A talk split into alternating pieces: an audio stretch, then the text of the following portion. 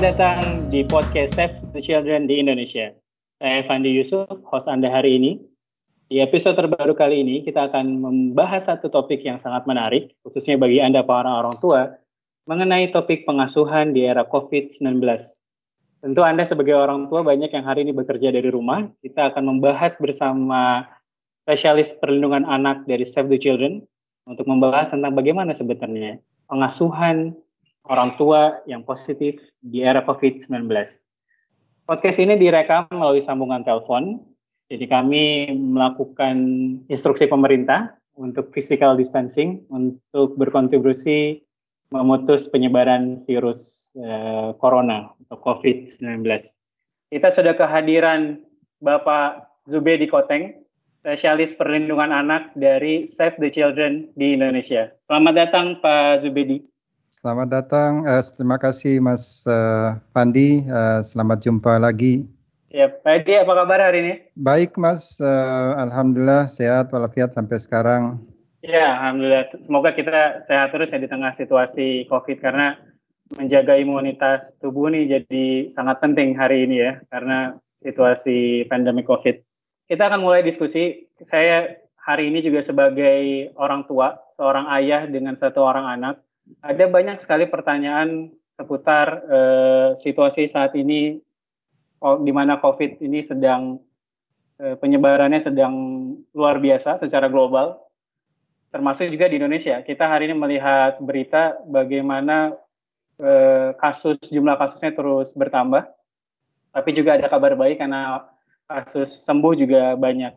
Tapi yang ingin saya tanyakan bukan tentang uh, sisi medis, saya ingin bertanya kepada Pedi sebagai spesialis perlindungan anak tentang bagaimana sebenarnya pengasuhan untuk orang tua di situasi darurat COVID-19 ini. Karena kita banyak tahu eh, ada banyak orang tua yang masih harus bekerja meninggalkan anak-anaknya, terutama untuk misalnya garda terdepan kita, para dokter, para perawat, para polisi yang masih harus bekerja, juga sektor lain gitu ya di tengah situasi seperti ini ketika COVID-19 di mana orang tua ingin berusaha memastikan anak-anaknya aman, tapi juga harus bekerja. Gimana Pak Edi? Ini pertanyaan mendasar sebenarnya karena uh, sebenarnya peran dari orang tua untuk pengasuhan itu harus tetap sama, yaitu uh, memenuhi kebutuhan dasar anak, memberikan perasaan aman dan nyaman bagi anak, memberikan kehangatan dan bimbingan bagi anak, serta membangun uh, komunikasi yang saling menghargai uh, dengan anak sesuai dengan tahapan perkembangannya. Itu peran itu juga harus tetap dilakukan oleh orang tua dalam situasi seperti ini, di mana uh, orang tua harus juga uh, menyiapkan informasi-informasi uh, yang uh, baik, informasi-informasi yang benar kepada anak, kemudian juga menjaga kelekatan, uh, menjaga hubungan uh, yang baik dengan anak-anak mereka sehingga mereka merasa aman dan nyaman uh, walaupun dalam situasi yang krisis seperti ini. Iya menarik tadi Pak Edi sempat menyebutkan bagaimana kita memberikan informasi tentang COVID bagi anak-anak. Itu menjadi salah satu bagian tanggung jawab pengasuhan dari orang tua ya. Mungkin ada sedikit uh, tips atau saran dari Pak Edi bagaimana sih sebenarnya kita sebagai orang tua itu menjelaskan informasi ini gitu. Karena saya sendiri terhadap anak saya tidak ingin membuat dia khawatir, terutama buat anak usia 4 tahun dengan menjelaskan gentingnya situasi, tapi juga saya ingin menjelaskan pada dia bahwa kita penting untuk membersihkan diri karena situasi banyak virus. Seperti itu. Kira-kira untuk orang tua menjelaskan informasi ini kepada anak itu seperti apa ya Pak? Iya, um, anak uh, sebenarnya uh, bisa mendengarkan atau memahami uh, pesan dari orang tua itu dengan berbagai cara. Yang paling uh, lebih berkesan itu adalah orang tua memberi contoh. Jadi uh, orang tua juga harus melaksanakan uh, apa namanya uh, perilaku hidup uh, bersih dan sehat, uh, melakukan cuci tangan sebelum makan atau pulang dari uh, luar itu harus uh, melakukan kebersihan diri, menjaga kebersihan diri.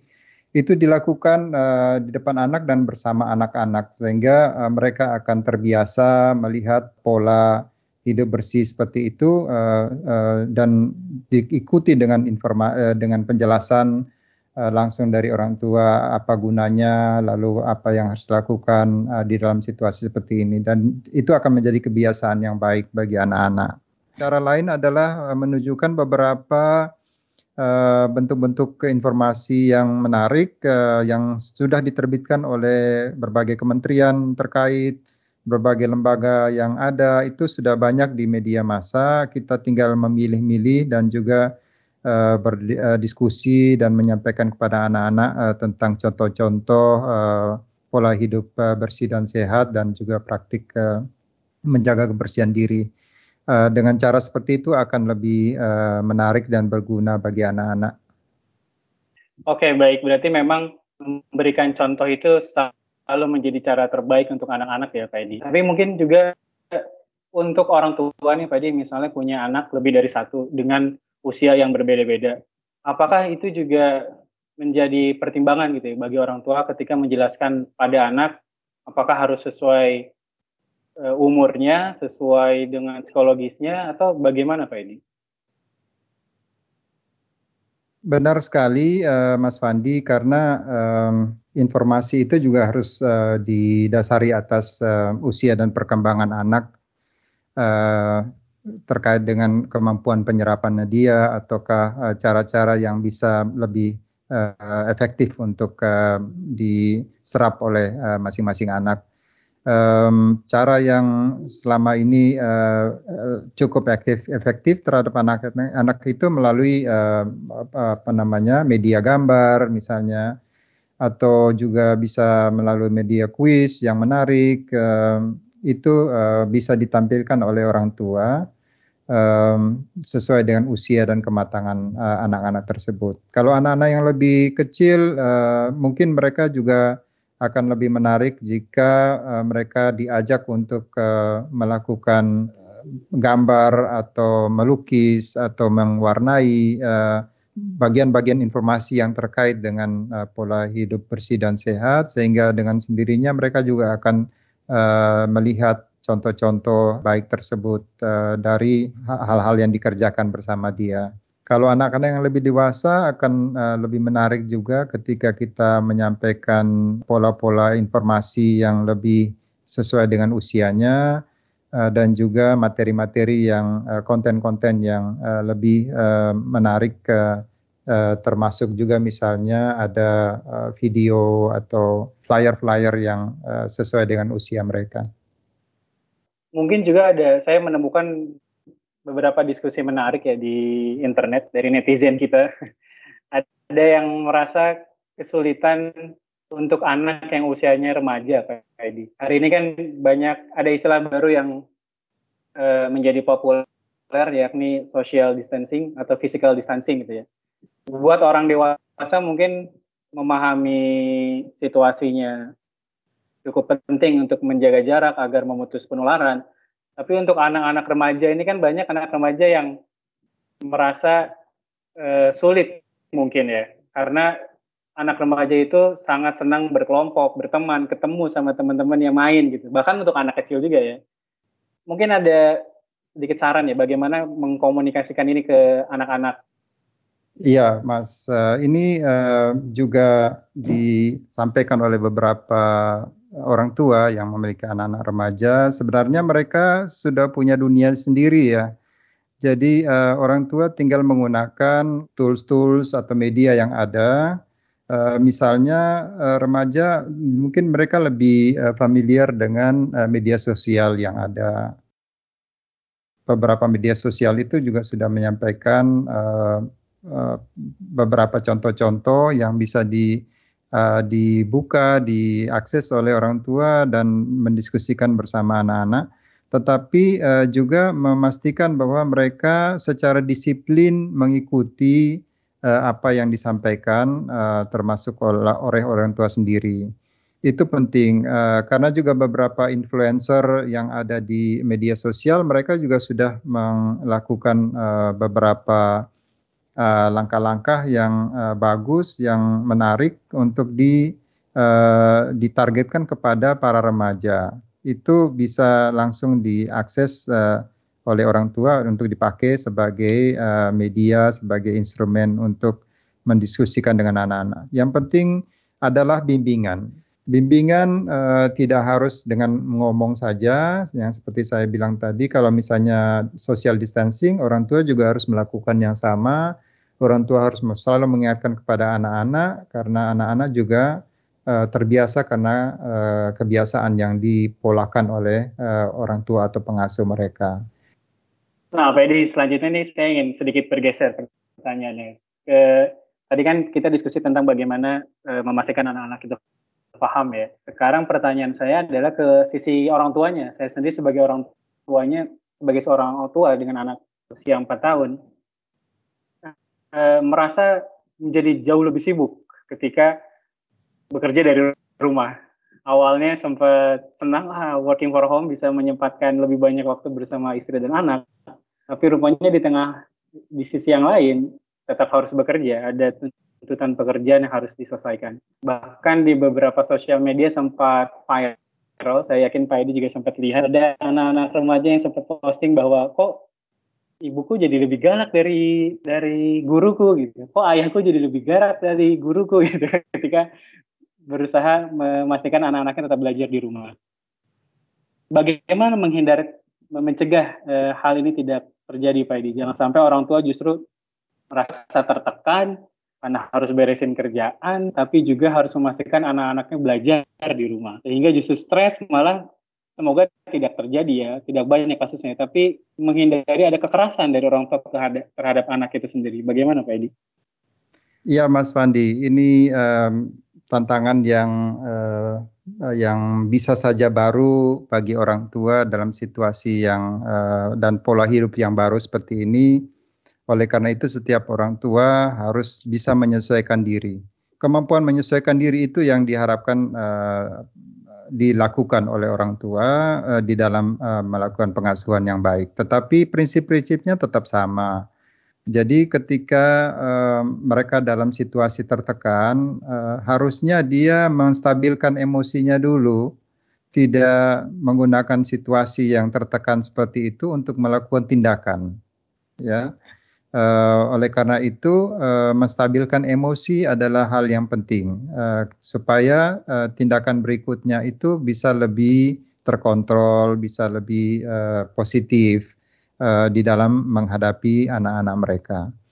Oleh karena itu, uh, orang tua yang uh, berubah dari pola hidup seperti ini harus juga menyesuaikan diri, memperkaya diri dengan latihan-latihan uh, yang uh, bisa mengontrol uh, emosi mereka, kemudian membangun uh, komunikasi yang lebih positif, dan juga menghindari perilaku-perilaku atau perlakuan terhadap anak mereka yang dengan cara-cara yang berisiko.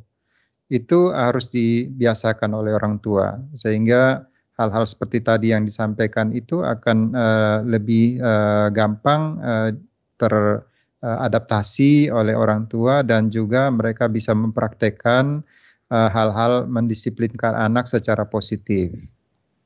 Jadi mendisiplinkan anak secara positif itu ya Pak Edi kuncinya. Tadi menarik Pak Edi sempat sebut tentang menstabilkan emosi dalam mendisiplinkan anak secara positif itu. Orang tua harus stabil dulu emosinya. Mungkin bisa kasih saran Pak Edi untuk orang tua seperti saya nih yang anak masih kecil atau sahabat self children lainnya di luar sana yang masih punya anak uh, kecil dan masih harus dituntut belajar di rumah. Bagaimana menstabilkan emosi itu buat kita para orang tua, Pak Kalau ada saran uh, tips yang yang bisa kita praktekkan itu seperti apa? Cara yang paling sederhana adalah melakukan uh, latihan pernapasan. Ya, ada banyak hal, uh, banyak contoh-contoh uh, melatih pernapasan untuk supaya bisa menstabilkan emosi.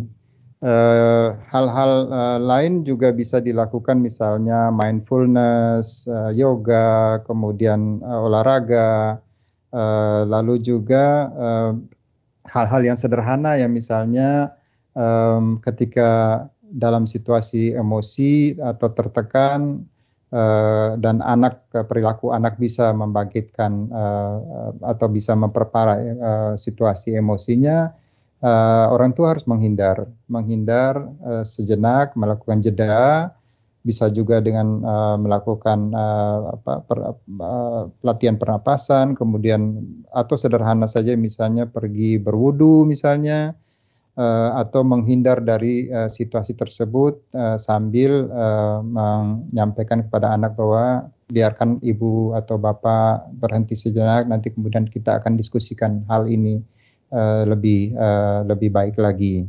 Dengan cara seperti itu akan membantu orang tua untuk menghindari perlakuan-perlakuan uh, yang bisa berisiko uh, tidak baik bagi anak-anak mereka. Jadi mengambil jeda itu cukup penting ya Pedi ya untuk para orang tua agar tidak stres ya atau terbebani pikirannya. Tadi Pak Edi juga sempat menyebutkan tentang komunikasi yang positif dalam mendisiplinkan anak secara positif. Nah, bagaimana tipsnya Pak Edi bagi kita orang tua agar bisa membangun komunikasi yang positif? Iya, um, ini menarik ya karena di um, bidang pengasuhan anak ini uh, sudah sering uh, dibicarakan, kemudian uh, ada yang mengatakan bahwa um, tidak uh, sebaiknya menghindari kata-kata yang negatif, yang seperti jangan atau tidak boleh, tetapi lebih uh, kepada memberikan argumentasi positif. Uh, jika kamu melakukan ini akan berakibat ini, jika kamu akan melakukan ini konsekuensinya ini. Jadi memberikan pilihan kepada anak tersebut. Jadi itu yang harusnya dibiasakan. Memang ini agak sulit karena memang pola-pola uh, pengasuhan yang awal yang yang sebelumnya mungkin juga mempengaruhi tindakan kita uh, atau pola uh, perlakuan kita kepada anak-anak kita. Um, ini harus di, dicoba ya. Misalnya komunikasi yang positif uh, tetap tetap menggunakan bahasa-bahasa yang uh, konstruktif ya. Um, itu ada banyak uh, Eh, materi yang disampaikan oleh para psikolog uh, bisa dilakukan. Yang mau ditekankan adalah uh, selalu saja bahwa komunikasi atau bahasa yang positif, yang konstruktif, yang uh, mengajak anak untuk berpikir uh, dan memilih dan menentukan uh, konsekuensi yang dihadapinya itu akan mengembangkan pola pikir mereka juga akan membangun sikap yang lebih edukatif kepada mereka sehingga ini juga akan jadi pembelajaran bagi mereka. Menarik sekali Pak Edi ya. Saya juga sering kali terjebak di situasi menggunakan kata jangan atau tidak gitu. Tapi ketika saya pernah juga coba membangun komunikasi konstruktif dengan anak, meskipun anak saya masih empat tahun, saya lumayan kaget juga karena rupanya dia paham. Mungkin sering kali saya terjebak atau mungkin orang banyak orang tua juga terjebak sedikit agak meremehkan anak gitu ya padahal ketika dijelaskan itu anak-anak bisa menangkap gitu ya menarik sekali Pak Edi kita masuk saya ingin masuk ke pertanyaan selanjutnya uh, dari perspektif pengasuhan yang positif yang tadi Pak Edi sempat sharing uh, hari ini jumlah kasus uh, positif COVID sudah sangat banyak saya membayangkan jika mereka adalah orang tua mungkin akan ada banyak orang tua yang harus terpisah sama anaknya. Anak yang nggak bisa bertemu dengan orang tuanya karena uh, sakit COVID-19 atau mungkin bisa jadi sakit yang lain. Tapi di hari ini banyak kasus yang cukup ekstrim karena ayahnya, ibunya atau orang tuanya positif COVID-19 sehingga harus terisolasi dan terpisah pada anaknya, meninggalkan anaknya. Bagaimana untuk situasi seperti ini, Pak, ketika anaknya nggak bisa di, diasuh oleh orang tuanya? Iya, uh, karena pengasuhan adalah uh, hal yang sangat penting dalam uh, perkembangan uh, dan pertumbuhan anak. Oleh karena itu, uh, apa pun situasinya harus dipastikan bahwa uh, pengasuhan harus tetap dilakukan. Oleh karena itu, jika ada orang tua atau pengasuh yang tidak bisa menjalankan fungsinya uh, dalam melakukan pengasuhan, harus di, uh, di pastikan ada pengganti.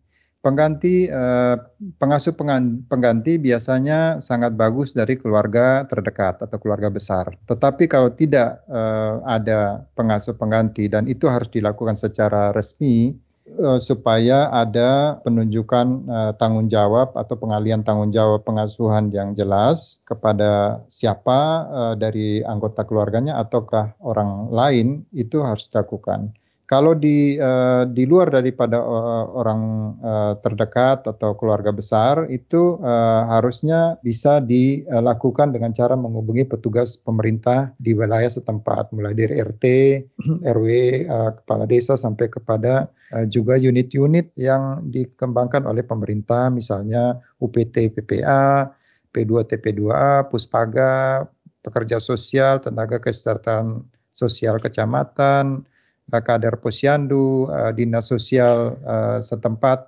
yang mempunyai mandat untuk melakukan proses penunjukan untuk pengasuhan pengganti. Hal ini harus tetap dilakukan karena uh, pengasuhan tidak bisa berhenti. Anak-anak tetap harus dilindungi keselamatannya, kemudian juga memastikan perkembangan anak tersebut bisa terpenuhi sesuai dengan sesuai dengan tahapan perkembangan yang ada. Uh, di sisi lain, uh, sebenarnya ada kepastian uh, penunjukan uh, pengasuh ini juga untuk memastikan bahwa apakah uh, pengasuh pengganti ini memiliki kemampuan yang setara dengan orang tuanya. Itu adalah tanggung jawab pemerintah untuk memastikan sehingga dipastikan tidak ada risiko Eh, kekerasan misalnya terjadi ketika anak beralih pengasuhannya kepada pengasuh pengganti eh, dan itu uh, sehingga perlu untuk disampaikan kepada pemerintah atau petugas pemerintah setempat supaya bisa dilakukan monitoring supervisi yang dalam ini biasanya dilakukan oleh pekerja sosial dan dimonitor disupervisi oleh dinas sosial setempat. Jadi meskipun orang tuanya harus terpaksa diisolasi karena positif COVID-19 berarti ada ada pengasuhan masih harus terus berlanjut baik melalui keluarga lain kerabat dari orang tua tersebut atau bahkan sampai dijamin oleh negara begitu ya Pak Edi dengan instrumen sampai tadi dinas sosial sampai RT RW ya. Tadi mungkin ada banyak sahabat Save the Children yang juga bertanya tentang positif disiplin atau pengasuhan positif yang tadi kita diskusikan. Apakah ada referensi yang bisa digunakan atau dibaca oleh sahabat the di luar sana yang mau mempelajari dan menerapkan uh, disiplin positif ini dalam pengasuhan? Save the Children Indonesia telah mengadopsi modul-modul uh, dan juga menjalankannya di uh, beberapa program kami di beberapa daerah, mulai dari uh, disiplin positif atau uh, atau uh, disiplin positif dalam pengasuhan keseharian atau disiplin positif dalam uh, pembelajaran misalnya di sekolah. Itu ada modul-modul uh, yang sudah kami uh, kembangkan kita sadur uh, dalam bahasa Indonesia yang uh, sudah dimuat di dalam uh, website uh, Save the Children dan bisa diakses oleh uh, masyarakat luas atau uh, jika ingin mendapatkannya bisa juga langsung menghubungi uh, Save the Children. Save the Children uh, juga telah mempopulerkan modul-modul uh, pengasuhan uh, yang uh, kita namakan uh, pengasuhan tanpa kekerasan. Uh, modul pengasuhan seperti ini mengadopsi beberapa pendekatan, termasuk juga uh, bagaimana melibatkan uh, orang tua laki-laki yang supaya peran ayah akan lebih uh, diutamakan uh, dan terlibat bersama dengan uh, ibu serta juga mendidik anak-anak untuk bisa meningkatkan resiliensi mereka. Menarik sekali Pak Edi. Jadi sahabat Save the Children jika tertarik untuk mempelajari positif disiplin bisa mendapatkan modulnya ya, didapatkan di websitenya Save the Children. Pak Edi masih banyak sebenarnya yang ingin saya tanyakan. Tadi Pak Edi sempat menyebutkan tentang peran ayah dalam pengasuhan karena mungkin banyak sekali masyarakat kita yang masih atau sering kali kita berpikir bahwa pengasuhan itu urusan ibu tapi rupanya ayah harus hadir di situ ya. Sayangnya waktu kita terbatas Pak Edi mungkin kita bisa ngobrol ini di episode podcast selanjutnya bersama Pak Edi tentang peran ayah dalam pengasuhan. Terakhir dari saya Pak Edi pertanyaan selanjutnya adalah pesan Pak untuk para orang tua nih, saya termasuk orang tua, menjaga pengasuhan positif di dalam situasi COVID-19 ini seperti apa? Silakan Pak. Yang paling penting adalah menjaga diri dulu, uh, seperti pesan yang biasa kita dapatkan di ketika naik pesawat bahwa menjaga keselamatan diri adalah yang paling penting, kemudian baru menolong orang lain. Begitupun sama ketika kita menerapkan dalam keluarga. Kita harus lebih sehat dulu, kita harus lebih kuat dulu, kita harus bersiap-siap dulu Eh, dan juga memberikan contoh kepada uh, setelah itu baru memberikan contoh kepada anak-anak atau keluarga kita. Oleh karena itu uh, penting untuk uh, mampu menjaga diri, mengontrol diri, menguasai diri uh, ketika uh, akan melakukan sesuatu dengan mempertimbangkan uh, untung ruginya terkait dengan pengasuhan ini dan juga uh, situasi uh, COVID-19 ini. Uh, yang paling penting adalah tetap diutamakan uh, prinsip-prinsip uh, pengasuhan anak yang baik, pola-pola penerapan disiplin yang positif uh, akan tetap berjalan seperti biasa, kemudian uh, membangun uh, komunikasi bersama anak-anak kita, keluarga anggota keluarga kita yang lebih baik lagi itu akan membantu untuk meningkatkan resiliensi uh, anggota keluarga kita atau diri kita sendiri untuk menghadapi uh, krisis yang ada ini. Dengan demikian akan lebih tangguh uh, bagi setiap keluarga untuk menjaga diri, uh, melindungi uh, anak-anaknya, melindungi keluarganya dari krisis yang ada sekarang ini. Demikian, Mas Fandi. Baik, terima kasih banyak Pak Edi atas diskusi yang sangat menarik. Demikian sahabat diskusi saya bersama Pak Zubedi Koteng, spesialis perlindungan anak dari Save the Children di Indonesia. Semoga juga ini bermanfaat untuk sahabat Save the Children yang lainnya. Pak Edi, terima kasih banyak. Semoga kita bisa ketemu lagi untuk episode podcast selanjutnya karena tadi ada topik-topik yang menarik yang bisa kita diskusikan lebih lanjut. Tetap seperti yang Pak Edi sampaikan tadi, tetap sehat, jaga kesehatan Anda karena uh, Anda juga harus tetap sehat untuk memastikan pengasuhan yang baik bagi keluarga Anda. Terima kasih, sampai jumpa. Selamat sore, sampai jumpa lagi.